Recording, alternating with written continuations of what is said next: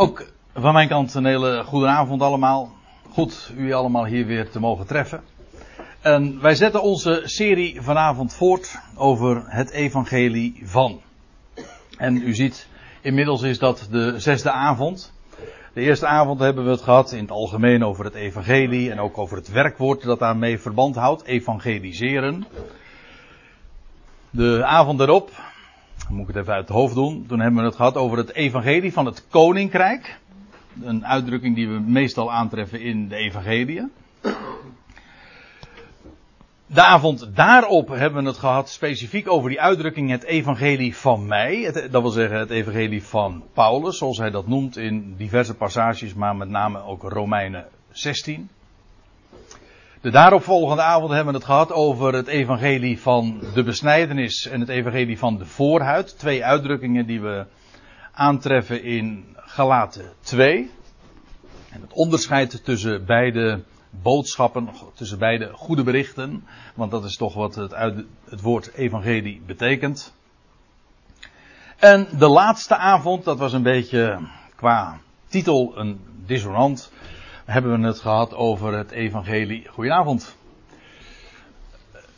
Het evangelie van de verborgenheid, maar dat was een foutje van mij. Dat moest zijn de verborgenheid van het evangelie.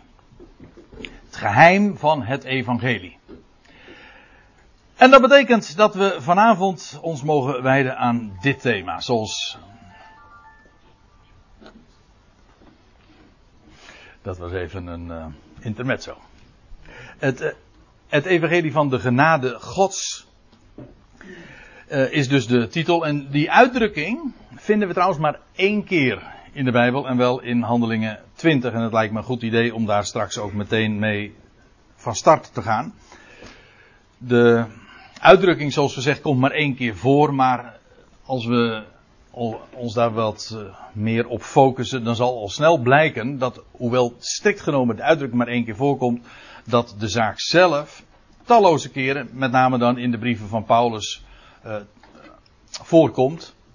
En waarom in de brieven van Paulus wel? Omdat juist aan hem dat is toevertrouwd. Ook dat zullen we vanavond zien. En als ik deze dingen zeg, dan borduur ik feitelijk ook alweer wat voort op de voorgaande avonden. Toen we al hebben gezien dat Paulus dus aan Paulus het een evangelie is toevertrouwd. En wat voor een? Voor de natie. Het evangelie van de, van de voorhuid. Dat is wat dus hij ook noemt het, het mijn evangelie. Wel, dat is ook het evangelie van de genade gods. En wat ik daarbij gedaan heb voor vanavond, want ja, alleen maar stilstaan bij die ene keer dat die uitdrukking voorkomt, leek me niet zo wijs. Ik wilde vooral ook uh, het op deze manier behandelen. Dat we de uitdrukking bezien. Maar eerst uh, naar de passage uh, waar dat dan voorkomt. En vervolgens ons de vraag stellen, maar wat betekent die uitdrukking? En dan Paulus zelf het antwoord op die vraag laten geven. En ik heb een heleboel dia's gemaakt. En zojuist zei René al van, oh, dat wordt een lange avond, want je hebt je broodrommeltje meegenomen. Nou, dat broodrommeltje heeft er even toevallig niks mee te maken. Maar, uh, uh, het zou een hele lange avond kunnen worden, want ik, uh, het is mijn inschatting dat we lang niet al die dia's zullen behandelen. Ik weet niet hoe ver we daarin zullen komen. En de volgorde die ik daarbij heb ge, gekozen voor de, voor de dia's was niet helemaal, maar enigszins uh, toevallig of willekeurig. Maar ze geven allemaal, dat is karakteristiek en gemeenschappelijk voor die dia's, ze geven antwoord op die vraag wat Paulus zelf onder die genade van God verstaat. Concreet, wat is dat nou? Voor wie is dat? Wat is de rijkwijde daarvan? Wat is de aard daarvan? Nou ja, en meer van dat soort uh, elementaire journalistieke vragen, zeg maar. Hè. Een journalist die vraagt altijd als die met iets geconfronteerd wordt, wie, wat, waar, hoe, wanneer. Nou, dat soort vragen lijken mij zeer ter, uh, ter zake. Handelingen 20. Dat is dus de passage waar we die uitdrukking het evangelie van de genade gods tegenkomen. En laat ik dan even dit daarover zeggen, want het maakt deel uit van een lang betoog dat de apostel daar houdt. We zijn dan op het strand van Mileten. Mileten was een plaatsje dat niet al te ver eh, van Efeze was verwijderd. En Paulus had daar de, de oudsten, de opzieners laten komen, want hij was op doorreis. En hij wilde graag hen nog iets op het hart binden. Dat doet hij dan ook in een lange toespraak. Ook een hele aangrijpende toespraak. Dat blijkt aan het eind wel, want ze vallen. Ze breken in tranen uit als Paulus dan het slotwoord heeft gesproken. Vooral ook omdat ze te horen hadden gekregen dat ze zijn aangezicht niet meer zouden zien. Nou, Paulus vertelt dan over alles wat hij daar in Efeze heeft meegemaakt. Hij heeft daar twee jaar gearbeid. Een markant getal. Een markante termijn moet ik zeggen. Ook in het boek Handelingen. Maar dan blikt hij zo terug wat hij daar, hoe hij daar gearbeid heeft. Wat hij daar ook doorgegeven heeft. En dan zegt hij in vers 24 dit. Maar ik tel mijn leven niet. Oh ja, dat moet ik er dan ook nog even bij zeggen. Hij geeft al aan dat hem te verstaan is gegeven door de Heer zelf. Dat hij naar Jeruzalem zou gaan. En dat hij daar ook gevangen zou worden genomen. En met andere woorden, het was dus uh, naar de mens gesproken buitengewoon onverstandig. Dat, heeft, dat is hem later ook nog heel vaak uh, nagedragen. Maar het was menselijkerwijs gesproken buitengewoon onverstandig om naar Jeruzalem te gaan. Maar Paulus was gebonden, zo noemt hij dat ook, door de geest. Hij moest daar naartoe gaan. En hij zegt daarbij: Ik tel mijn leven niet. En ik acht het niet kostbaar, mijn leven, mijn ziel, niet, ik eh, acht het niet kostbaar voor mijzelf. Paulus die wist zich, en dat was voor hem maar geen holle frase, het was gewoon de waarheid van zijn leven. Ik behoor hem toe, hij is mijn Heer, ik ben zijn eigendom en hij doet met mij en door mij wat hij wil. En waar het Paulus om ging, dat zegt hij dan ook. Hij zegt: Ik acht het niet kostbaar voor mijzelf als ik slechts maar mag ten einde mijn loopbaan ten einde mag brengen. Mijn loopbaan, mijn, mijn carrière. Nou, dat was, uh, als wij het woordje carrière gebruiken, dan uh, hebben we het vooral over een, u weet wel, een opklimmende reeks van, van stappen op de maatschappelijke ladder. dan kom je steeds hoger. Ik heb wel eens zo gehoord dat iemand zei van, totdat je erachter komt, als je op de bovenste tree staat, hé, hey, nou sta ik tegen de verkeerde muur aan. Dat kan ook nog. en dan ben je eigenlijk daar uh, hoef je niet zo gelukkig mee te zijn, maar goed. Uh, Paulus had een heel ander idee, een concept van zijn loopbaan. Hij, het ging hem erom dat hij, hij zijn loopbaan ten einde zou brengen tot volmaaktheid, of letterlijk, of anders gezegd, te voltooien, af te maken. Zijn loopbaan ten einde te brengen, te voltooien en, dan zegt, dan zegt hij, nou komen we bij de frases of de frase waar ik dan uiteraard vooral de nadruk op wil leggen. En de bediening, de, in het Grieks staat hier de diaconie, maar dat is inderdaad de bediening die ik in ontvangst nam, die ik van de Heer Jezus ontvangen heb, ja inderdaad van of bij uh, de Heer Jezus. U ziet, hij noemt hem hier ook de Heer Jezus. Hij is Heer, dat wil zeggen, Hij is mijn eigenaar, ik ben slechts zijn eigendom en Hij doet aan mij en met mij wat Hem goed dunkt. En dat is goed, met recht. En dat is waar het Paulus helemaal om te doen ging. Om één ding. Hij achter zijn eigen ziel en alles wat daarmee verband houdt totaal niet kostbaar. Dat is van nul en geen allerlei waarde. Nou, ik weet niet of ik het helemaal zo mag zeggen. Het is misschien wel wat waard. Hè? allerlei dingen van het leven. Maar als het erom gaat, achter die dat niet zo kostbaar. Het ging hem inderdaad om dat ene ding. Namelijk dat hij de bediening zou voltooien, de loopbaan zou voltooien. En de bediening die hij van de Heer had ontvangen. Uh, om dat te betuigen. U ziet de vol, sinds uh, de de volgorde van de woorden en van de zinsdelen die is iets anders dan in de vertaling. Maar om te betuigen. En dat is een, een juridische term. En dat betekent om een boodschap, welke, nou daar gaan we straks over hebben, maar om een boodschap uh, met, uit, uh, met nadruk, uitdrukkelijk dus, te verzekeren. Te garanderen. Als een getuige. Hier staat inderdaad het Griekse woordje mart, ja, martyr, maar dat betekent, daar komt ons woord martelaar nog vandaan. Maar een martelaar is eigenlijk in vanuit het Grieks een getuige. Heel eigenaardig dat bij ons martelaar iemand is die daar dat moet bekopen met de dood. En dan weet je eigenlijk ook meteen, want wat er gebeurt met iemand die de waarheid spreekt. In een, in een boze aion, daar wordt alles. En waarom is deze aion boos? Omdat de vorst van de leugen, de leugen regeert. Eh, de vader de leugen hier alles voor het zeggen heeft. En in deze aion, als de, de, wordt de waarheid niet verdragen. Uh, verdraagt men de waarheid niet. En houdt men die in ongerechtigheid ten onder. En degene die uitkomt voor de waarheid, ja, die wordt dikwijls een kopje kleiner gemaakt. En in Paulus' geval zelfs letterlijk. Maar goed, te betuigen. En dat betekent dus te spreken van. Paulus was daarbij ook inderdaad een getuige. Een, in, de zin, in de juridische zin van het woord, dus een ooggetuige. Dat zijn wij, u en ik, niet. Wij geloven het woord van deze ooggetuige. Maar hij was iemand die oog in oog heeft gestaan met de opgestane Heer. Hij is niet als enige, maar goed, hij was de apostel van de natie. Hij heeft daar in oog in oog mee gestaan. En dus was hij met recht een ooggetuige. Daar sprak hij van. Hij sprak van zaken die hij zelf had gezien en gehoord en getast, bij wijze van spreken.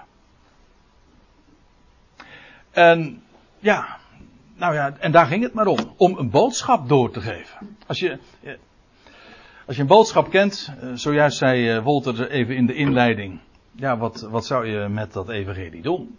Als je een blijde tijding hebt gehoord. Nou, in de eerste plaats te beseffen wat dat is. En vervolgens je hebt een mond gekregen. En wat zou je dan doen? Nou, zeg het woord. Spreek het uit.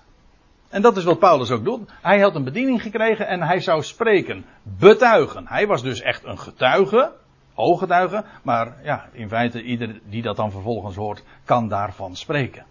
En waarom zou je ervan spreken? Nou, en nou komen we inderdaad bij de term. Uh, wat moest Paulus dan betuigen? Let op, Paulus zegt dus, hou het nog eventjes de hele de zin nog in gedachten, de context. Paulus zegt, ik acht mijn eigen leven niet kostbaar. Het gaat mij maar om één ding. En mijn loopbaan te voltooien. En de bediening die ik van de Heer heb ontvangen. Om, dat, om daarvan te getuigen. En wat is dat? Wel, dit. Het om te betuigen het evangelie, het goede bericht van de genade van de God. Ja, want het is drie keer een bepaald lidwoord dat daarvoor staat in het Grieks. Het is dus het evangelie en het is de genade en het is de God. Ik vind dat mooi omdat er, ja, in het Grieks wordt dat veelvuldiger gedaan dan in het Nederlands. Maar dat bepaalde lidwoord, dus uh, idiomatisch zoals dat zo mooi heet, uh, kun je dat vaak niet zo weergeven. Maar goed, in een interlineair kan je dat daarentegen juist wel weer heel mooi doen. Het is het, is het goede bericht. Dat was aan Paulus toevertrouwd. Daarvan zou hij spreken.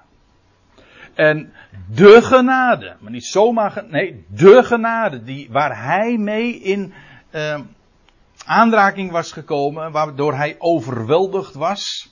Houd de uitdrukking even vast, want we komen er later vanavond nog over te spreken. En de genade van de God. Inderdaad, dat suggereert dat het maar om, om een specifieke God gaat. Een bepaalde God, namelijk de ene God. De ene God die met recht ook God genoemd mag en kan worden, namelijk omdat hij alles beheerst en beheert en beschikt. En uit hem en door hem tot hem alles is. Hij is dus met recht de God, maar niet een God, de God. En Paulus spreekt hier dus over dat hij een bediening had ontvangen. En wat zou hij vertellen? Wel, het goede bericht. En wat is dat goede bericht? Hoe vat hij dat hier samen? Wel, het is het goede bericht van de God. En, waar, en wat vertelt hij daarbij over die, over die God en de God? Wel, dat deze God genade geeft. Het is het goede bericht van de genade van de God.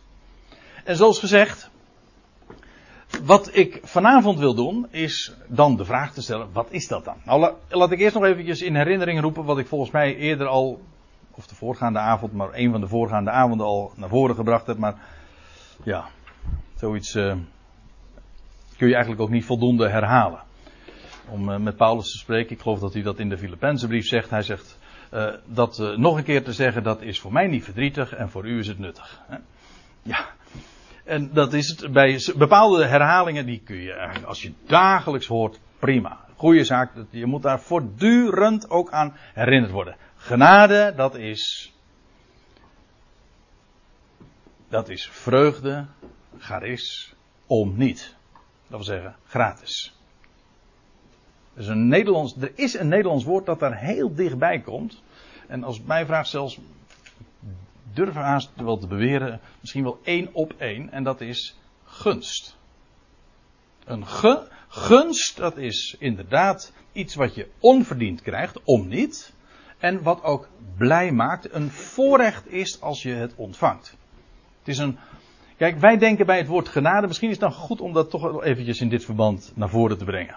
Wij, wij denken bij genade, Calvinistisch als we als Nederlanders toch denken dikwijls, en in het algemeen traditioneel christelijk, denk je bij genade vooral aan schuld.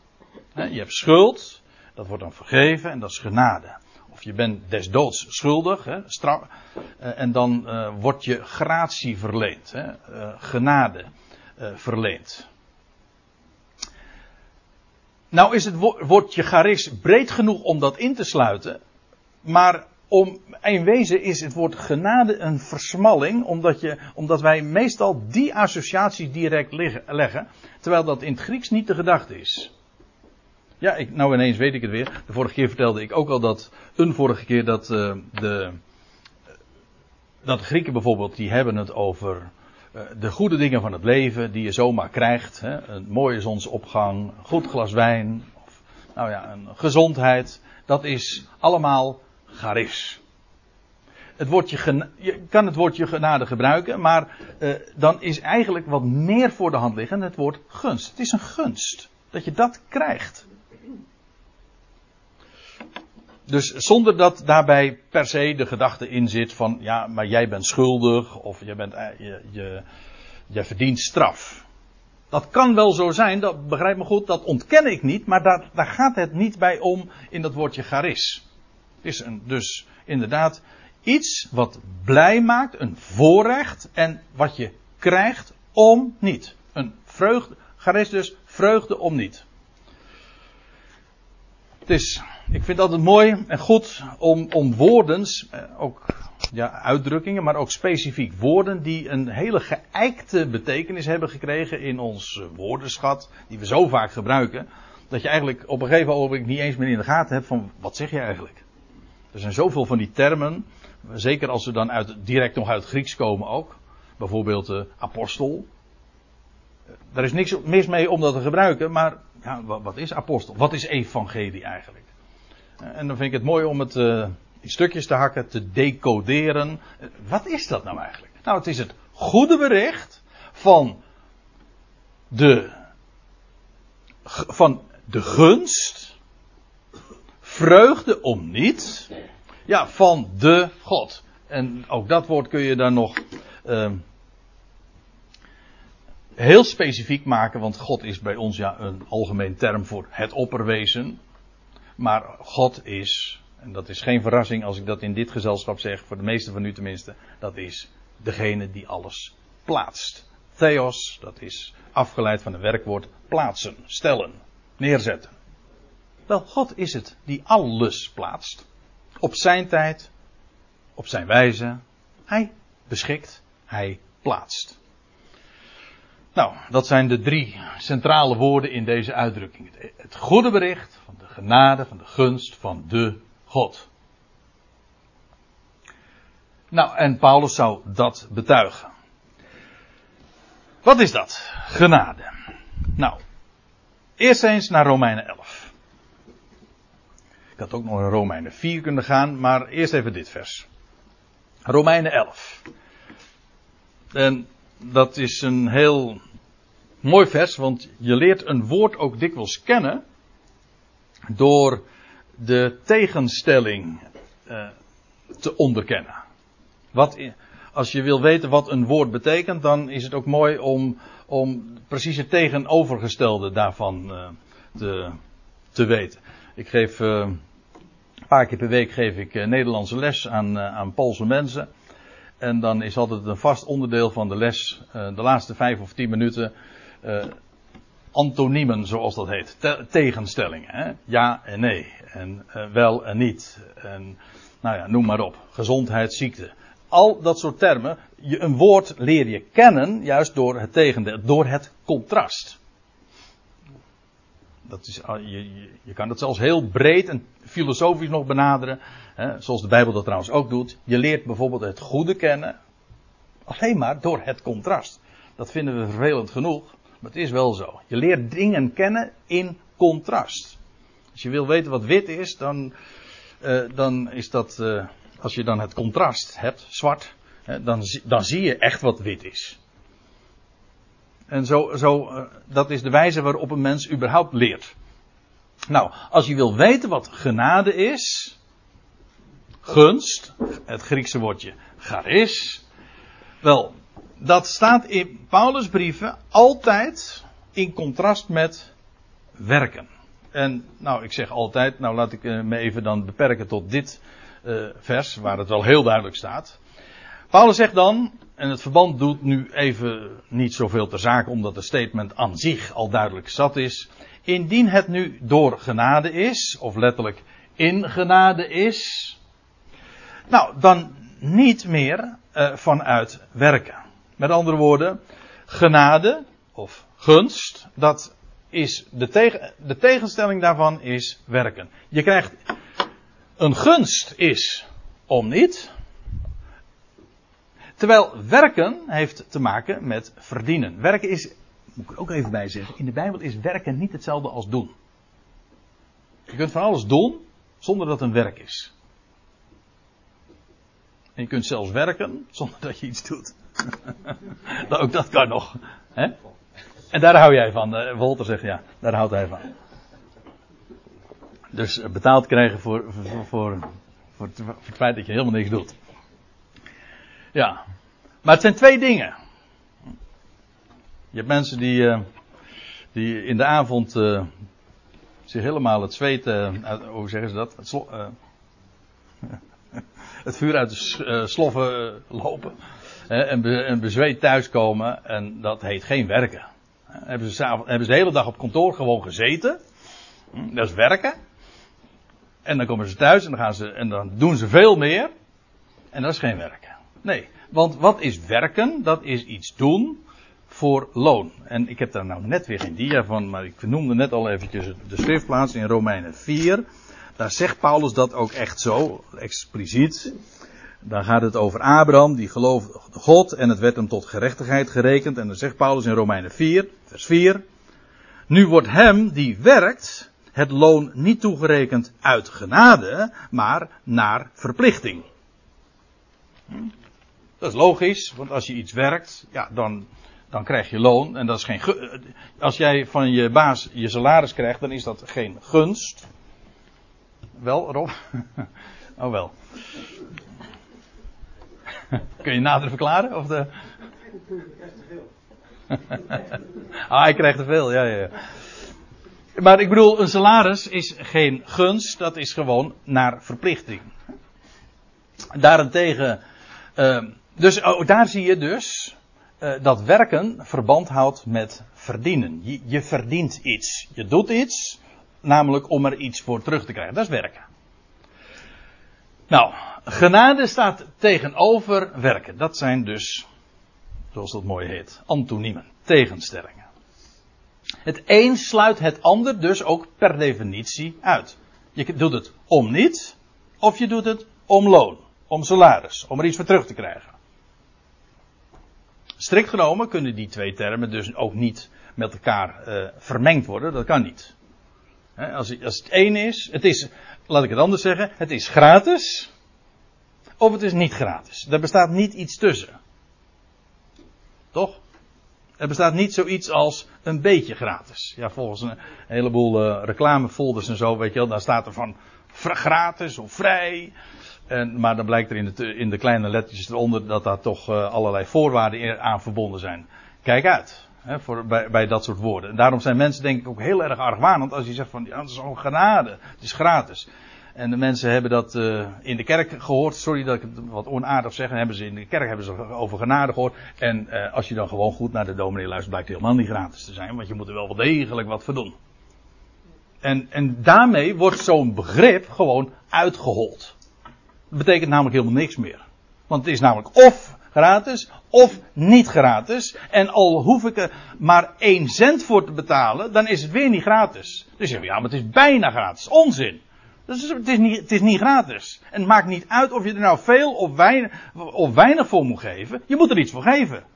Moet daarbij denken aan dat verhaal, u kent het uh, wel, uit het Oude Testament van die Gehazi. U weet het, Naaman, die geschiedenis van Naaman, dat hij uh, gebaat was, had in de Jordaan en op woord, door het woord van uh, Elisa. En Elisa wilde er niks voor hebben. Naaman bood hem heel veel aan. En Gehazi, dat was de knecht van Elisa, die, die had dat zo vernomen en die vond het maar helemaal niks. En, en die, en die Naaman, ik, ik, ik weet niet, ja, ik, zeg, ik geloof dat ik het redelijk goed uh, zo weergeef. Maar in ieder geval, er komt, die, die Elisa gaat weer, nee, sorry. Um, Naaman gaat weer terug naar Syrië. waar, die, waar die generaal was. En dan loopt, dan gaat Gehazi toch nog achteraan. En dan, hoeft hij, en dan vraagt hij alleen maar een zak goud, want terwijl hij met veel meer nog uh, daar aangekomen was. Dus hij vroeg eigenlijk, Gehazi vroeg maar een schijntje. Relatief gezien. Hij kreeg aardig wat, maar het was maar een schijntje ten opzichte van wat, wat Naaman allemaal had meegenomen. Maar dat was nu juist fataal, want nu had Naaman, die ging inderdaad genezen naar Syrië toe.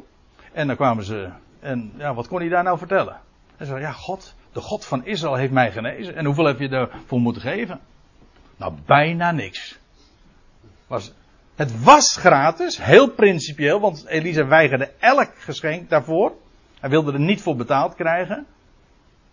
En nou ging die alsnog, en dat wordt hem daarom ook uiterst kwalijk genomen, want in plaats van dat Naaman melaats was, was nu, werd nu Gehazi melaats.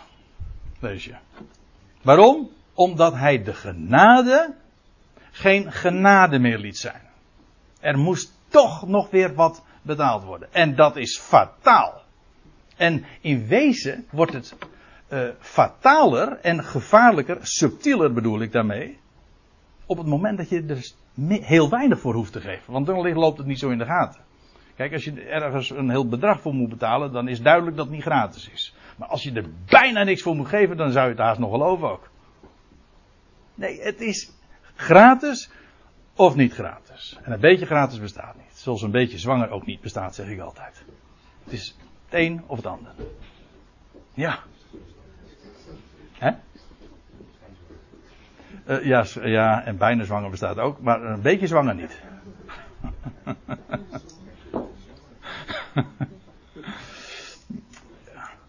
nee, u begrijpt het punt. Het is, het is, het is gewoon, het is, dit is echt over contrast gesproken, dit is echt een zwart-wit zaak.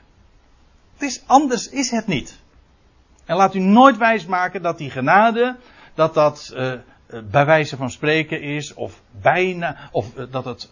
Kijk, en dan heb je inderdaad wat, die uitdrukking heb ik heel vaak horen gebruiken, en dat men zegt van, ja, jullie prediken, als je zegt van, hij is de redder van alle mensen. Is goedkope genade. Goedkoop. Wat we bedoelen, wij brengen een goedkoop evangelie. Namelijk, je hoeft er bijna niks voor te doen. Wij brengen geen goedkoop evangelie. Wij brengen een gratis evangelie. En als het niet gratis is, dan is het geen eens een evangelie. Anders is het niet. Gratis. Voor niks. Ja, en nou ja, dat het inderdaad zo is, die tegenstelling, Paulus zegt het in Romeinen 11 vers 6 zo duidelijk. Indien u in genade is, dan is het niet meer uit werken. Anders zegt Paulus, dan is geen genade. Dan is de genade, dan is de genade geen genade meer. Dus dat één sluit het ander dus volstrekt uit. En als u trouwens een uh, Statenvertaling hebt, dan gaat de tekst nog verder. Die het nog sterker onderstreept. Het is dubieus of dat inderdaad door Paulus is opgetekend. Maar al, uh, nieuwere handschriften zeggen dat. In de Statenvertaling uh, staat dan. En indien het uit te werken is, dan is zo is het geen genade meer. Anderszins is het werk geen werk meer. Dus uh, de tegen, in, in het andere geval is het namelijk net zo. Het, beide sluiten elkaar gewoon volledig uit. Dat is het idee. Dus dat is het eerste antwoord op de vraag. Ja, wat, is, wat verstaat Paulus eigenlijk onder dat evangelie van de genade van God? Nou, we hebben bij deze dan toch in elk geval vastgesteld. Het staat tegenover werken. Oftewel tegenover verdienen. Er valt niks te verdienen. Het is om niet. Gratis.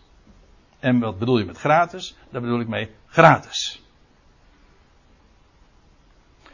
Nou, dat is het eerste, lijkt mij toch heel duidelijk antwoord. Ik neem u mee naar Romeinen 3. U weet, in de Romeinenbrief, daar legt Paulus als het ware het fundament voor, ja, van dat evangelie. Het is de eerste brief die we in het Nieuwe Testament van hem aantreffen. Niet de eerste brief die hij overigens geschreven heeft, maar wel de eerste brief die in de collectie, in de oude handschriften ook staan. En is, heel, uh, daar is een hele goede reden voor. Ik ga ervan uit dat Paulus zelf die collectie heeft samengesteld. En dat Paulus uh, die brief, dat is de basis van alles. Brief, gelovigen in Rome. Het ligt me erg uh, nog in gedachten. Ik ben juist afgelopen weekend daar in Rome geweest. En wat ik daar gezien heb van alles wat christelijk is, doet me weinig denken aan de Romeinenbrief. Ja, of het doet me wel eraan denken, maar dan vooral als antoniem, om zo te zeggen. Het contrast. Romeinen 3. Daar schrijft Paulus dit. Dat is ook een antwoord op wat die genade van God nou is. En het is zo mooi. Paulus zegt het zo kernachtig. Dat doet hij heel dikwijls. Maar lees gewoon eens wat hier staat. Laten we het eens eventjes zinsdeel voor zinsdeel bezien.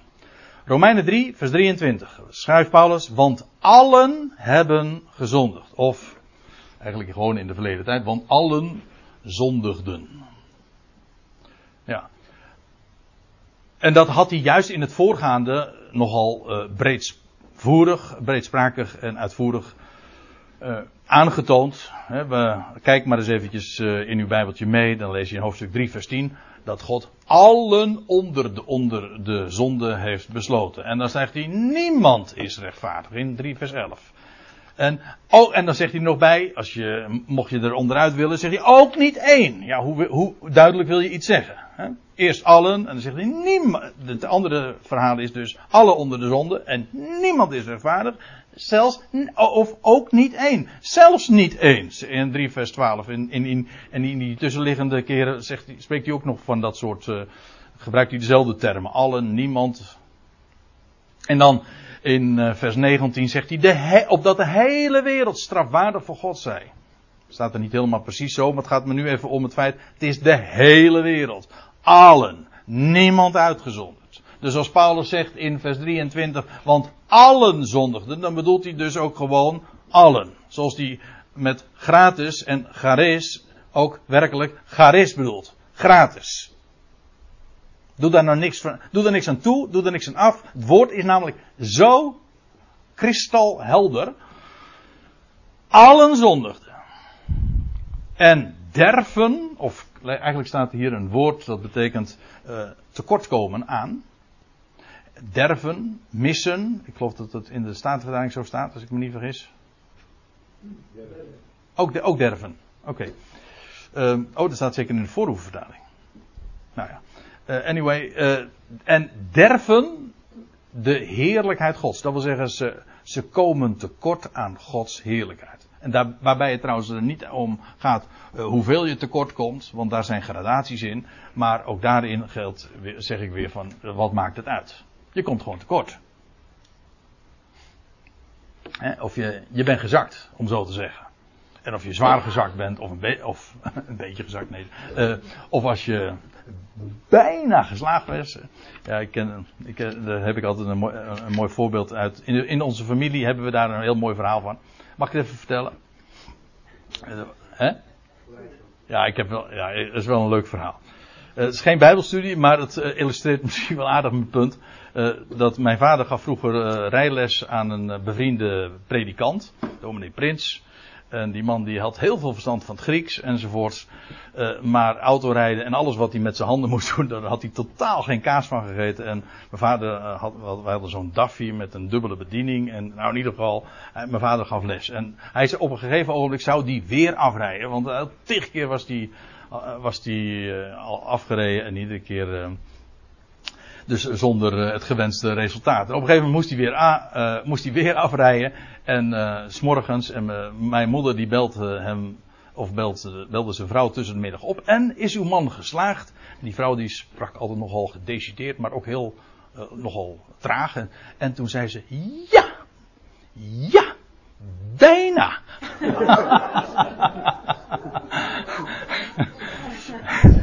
ja.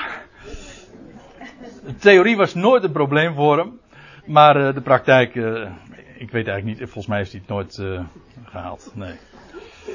Maar ja, hij was bijna geslaagd. Dat betekent dus, hij was zo, was gezakt als een baksteen.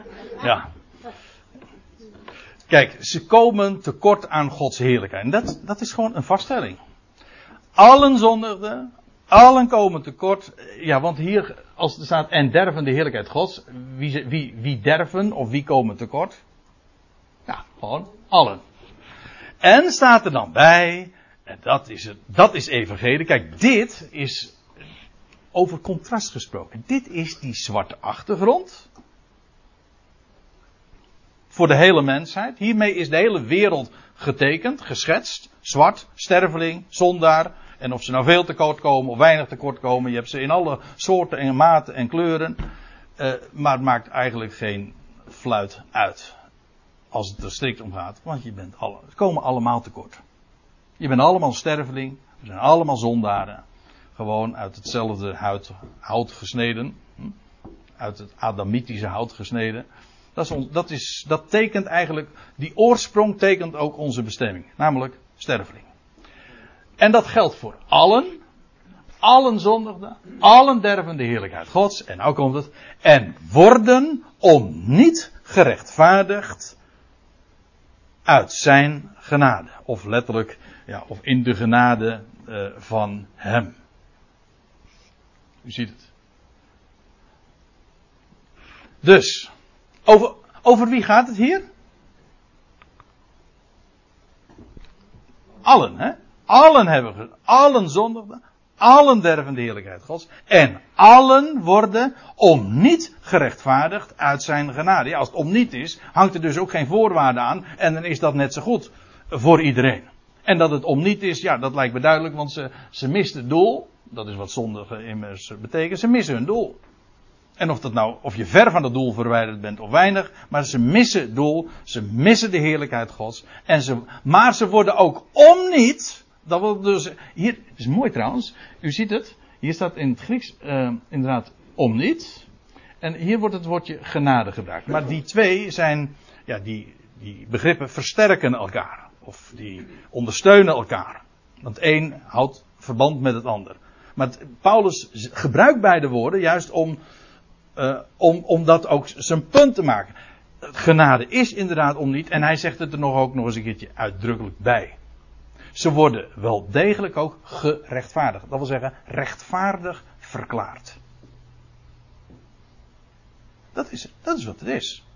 Ze worden rechtvaardig verklaard, hoe dat in elkaar steekt. En nou ja, daar heeft Paulus, eh, neemt hij dan de volgende hoofdstukken uitgebreid de tijd voor om dat ook uiteen te zetten. Dat is nu het onderwerp niet. Maar het gaat nu vooral over, voor wie is die genade? De rijkwijde. Wat genade is, hebben we gezien. Nu zien we ook voor wie die genade is. Namelijk voor allen. Bent u zondaar? Derf je de heerlijkheid van God? Dan heb ik heel goed nieuws. Dat is een goed bericht. Toch? Het lijkt mij een heel goed bericht voor iedereen die een zondaar is, voor, een, voor iedereen die een sterveling is, en gewoon een armzalige aardbewoner als we allemaal zijn. En waarom zijn we armzalig? En zelfs al woon je in een luxe huis en heb je alles, dan ben je nog armzalig, want je gaat dood. En je hebt allemaal je eigen zores. Begrijp, begrijp ik, ik uh, benader het nu gewoon even heel plat. Iedereen kan dat begrijpen. We zijn gewoon allemaal armzalige stervelingen. En voor al die armzalige stervelingen is er een goed bericht. Ja, maar kan dat zomaar? Is dat niet goedkoop? Nee, het is niet goedkoop, het is gratis. Het is en het is ook een. Het is, het is, je verkoopt het ook niet. We verkopen dit niet. Kun, kun je dit boodschap, deze boodschap verkopen, joh? Dan zeggen ze dan, hè? Kun je deze boodschap verkopen? Nee, nee, die kan ik niet verkopen, want als ik het zou verkopen, dan is deze boodschap niet meer.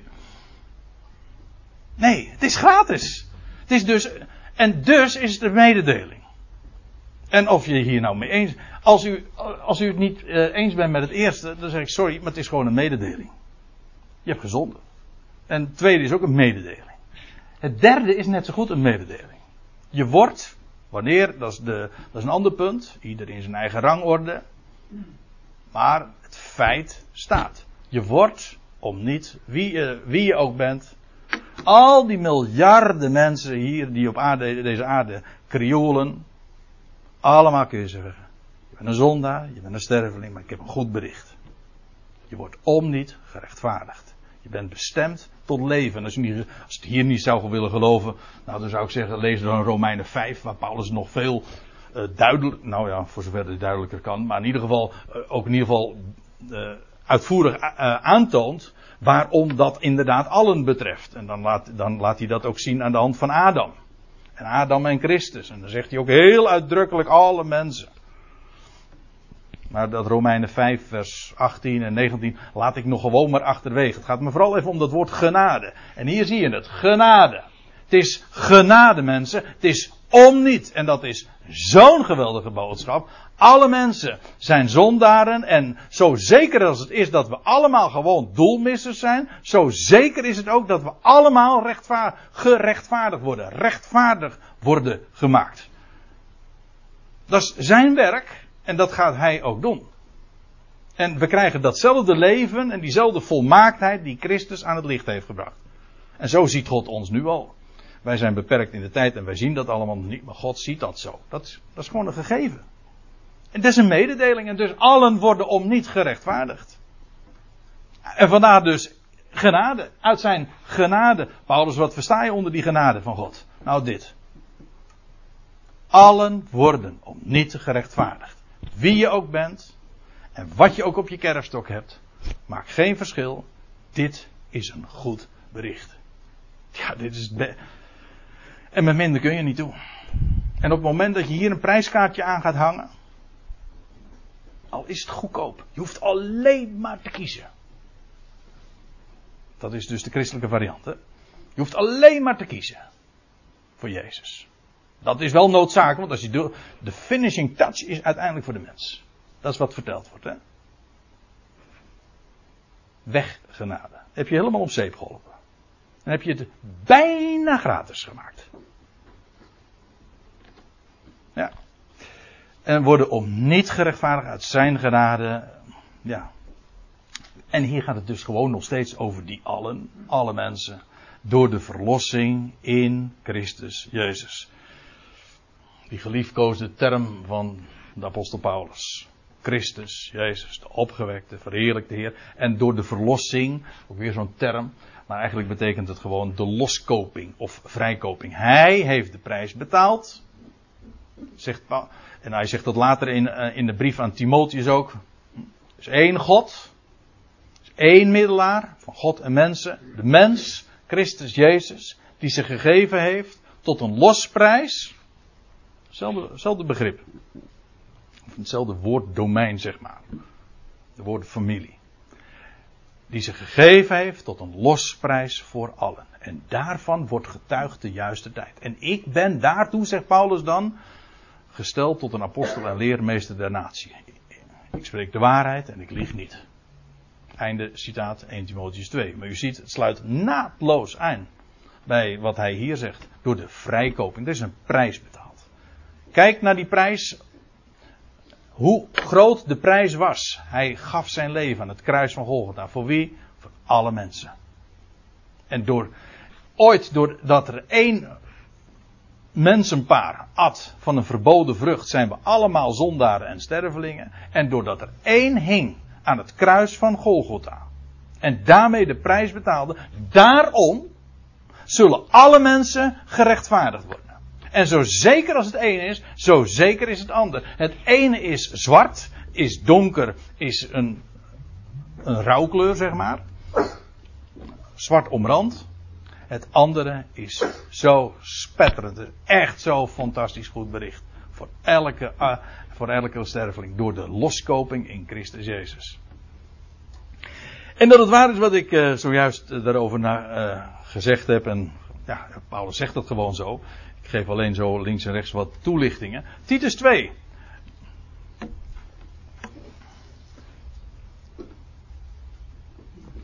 Dan zegt Paulus tegen de, sla, tegen de slaven. Hij geeft daar wat uh, instructies. En hij vertelt daar uh, het voorrecht van de positie waarin zij geplaatst zijn. Ja, ik zeg het goed hoor. Ik, verspreek me nu niet. Paulus beschouwt het als een voorrecht dat ze een slaaf mogen zijn. En dan zegt hij ook, en ik val midden in de tiende vers, maar dan zegt hij, alle goede trouw bewijzen. Dat wil zeggen, op, op de werkvloer. Uh, alle goede trouw bewijzen, ook aan je Heer dus.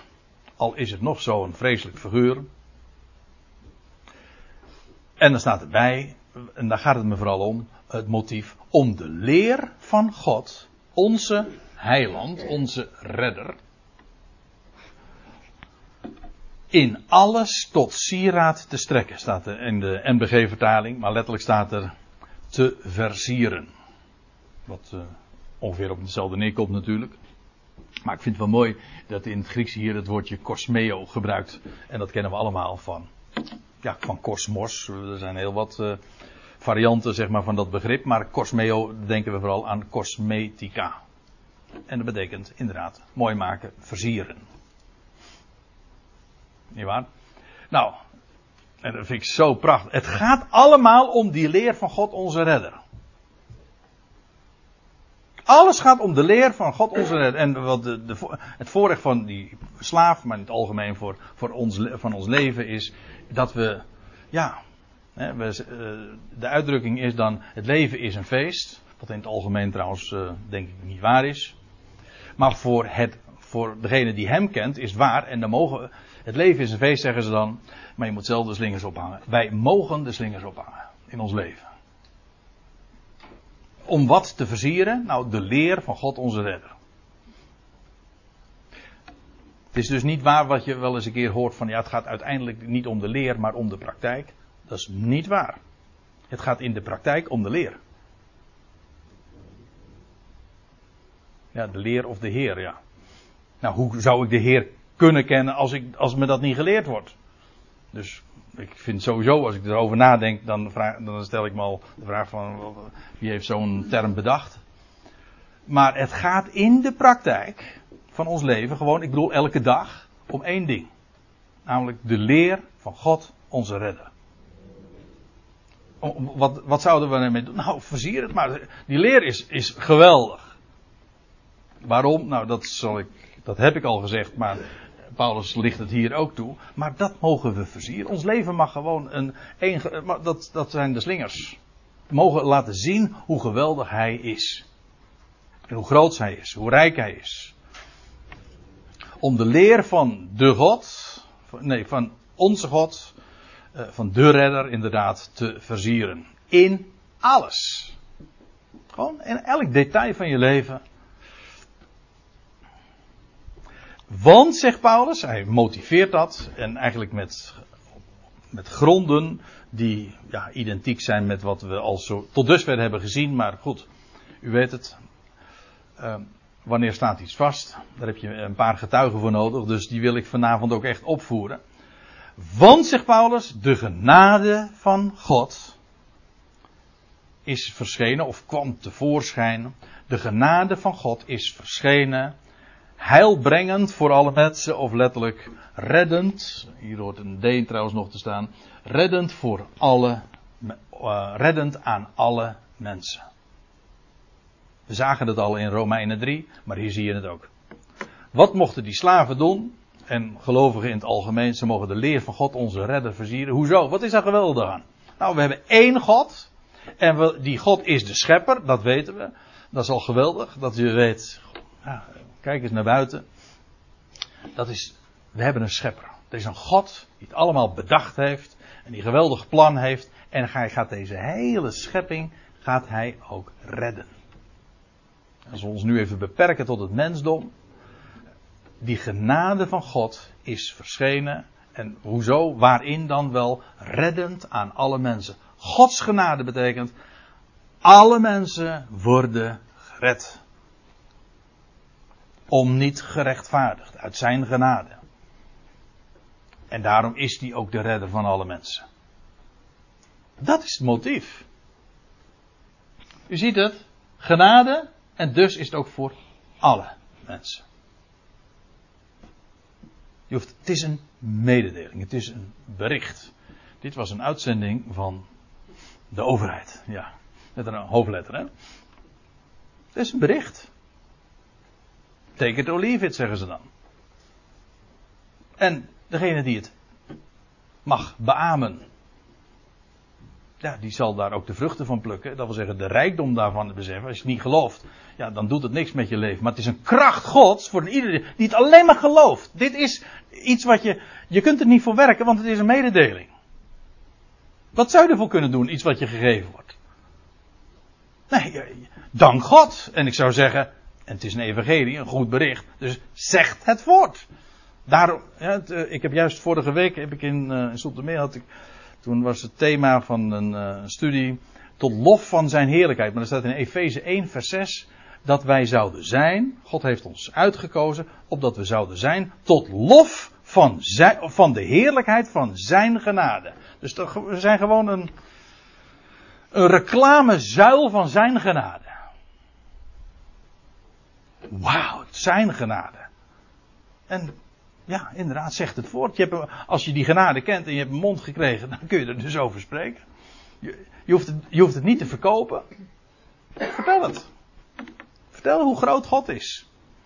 Tot lof van zijn heer, de heerlijkheid van zijn genade. Wel, die genade van God is verschenen, reddend aan alle mensen. En, wat, en dat, is, dat blijft het niet bij. Die genade voedt ons ook nog eens een keer op. Hier staat in het Grieks het woordje paiduio. En paiduio, dat, daar herken je het woordje pedagogisch of pedagogiek in. En dat is nog iets leuks. Uh, dat is, uh, het is afgeleid. Ik hou van dat soort, uh, ja, dat noemen ze etymologie, hè? de oorsprong van een woord herleiden. Maar dan kom je heel vaak heel veel op het spoor. Maar dat woordje paideo, dat, uh, dat is afgeleid van dit woordje, paio. En dat betekent eigenlijk raken, treffen. Soms ook in de zin van slaan. En sommige mensen hebben dat heel beperkt gezien van dus pedagogisch betekent tikken geven, slaan. Nee, het is treffen. Raken. Dat kan fysiek zijn, dat een schop onder je hol, om zo te zeggen, kan, je, kan heel pedagogisch zijn. Ik weet dat ik dit natuurlijk niet uh, mag zeggen. Uh, maar uh, goed, eventjes voor eigen rekening. Trouwens, in het boek Spreuken lees je ook zulke dingen hoor. Maar, maar opvoeden is in werkelijkheid gewoon raken. De verantwoordelijkheid ligt niet bij het kind, maar bij de ouder. Om het kind te raken met zijn genade en getroffen worden door. Dat is eigenlijk wat opvoeden is. Treffen, raken. Maar, eh, nou goed, nu heb ik het even over in, de, in die zin opvoeding. Maar genade, de genade van God, die voedt ons ook op. Dat wil zeggen, die treft ons. En die zorgt er ook voor ja, dat we. Uh, ja, ik, ga nu niet verder in deze, in deze regel, maar kijk het maar eens na. Er staat opdat we de goddeloosheid en de wereldse begeerte verzaken zouden. Verzaken betekent gewoon negeren, logenen. Betekent, het, staat, eh, bestaat niet voor je. Dat is wat genade doet. Je hoeft er niet tegen te strijden. Het, eh, het is negeren. En genade maakt blij en zodat al die andere dingen niet eens meer tellen. Dat is het geweldige. Genade, men zegt van ja, maar daar kun je toch. Uh, die genade, eh, het is geweldig om die genade te ontvangen. En, en dan zou je vervolgens toch weer onder een wet gesteld. Want je moet toch, je moet toch wat, hè? Wat is je norm dan in het leven? Nou, dat is deze genade. Die genade, die vormt ons ook. Die genade maakt ons blij. Geeft ons een doel in het bestaan. En die zorgt er ook inderdaad voor dat we opgevoed worden. Nou, uh, ik zie dat het 9 uur is, dus hoog tijd om eens eventjes een kopje koffie te gaan drinken, lijkt mij toe. En dan gaan we straks na de pauze naar 1 Timotheus 1.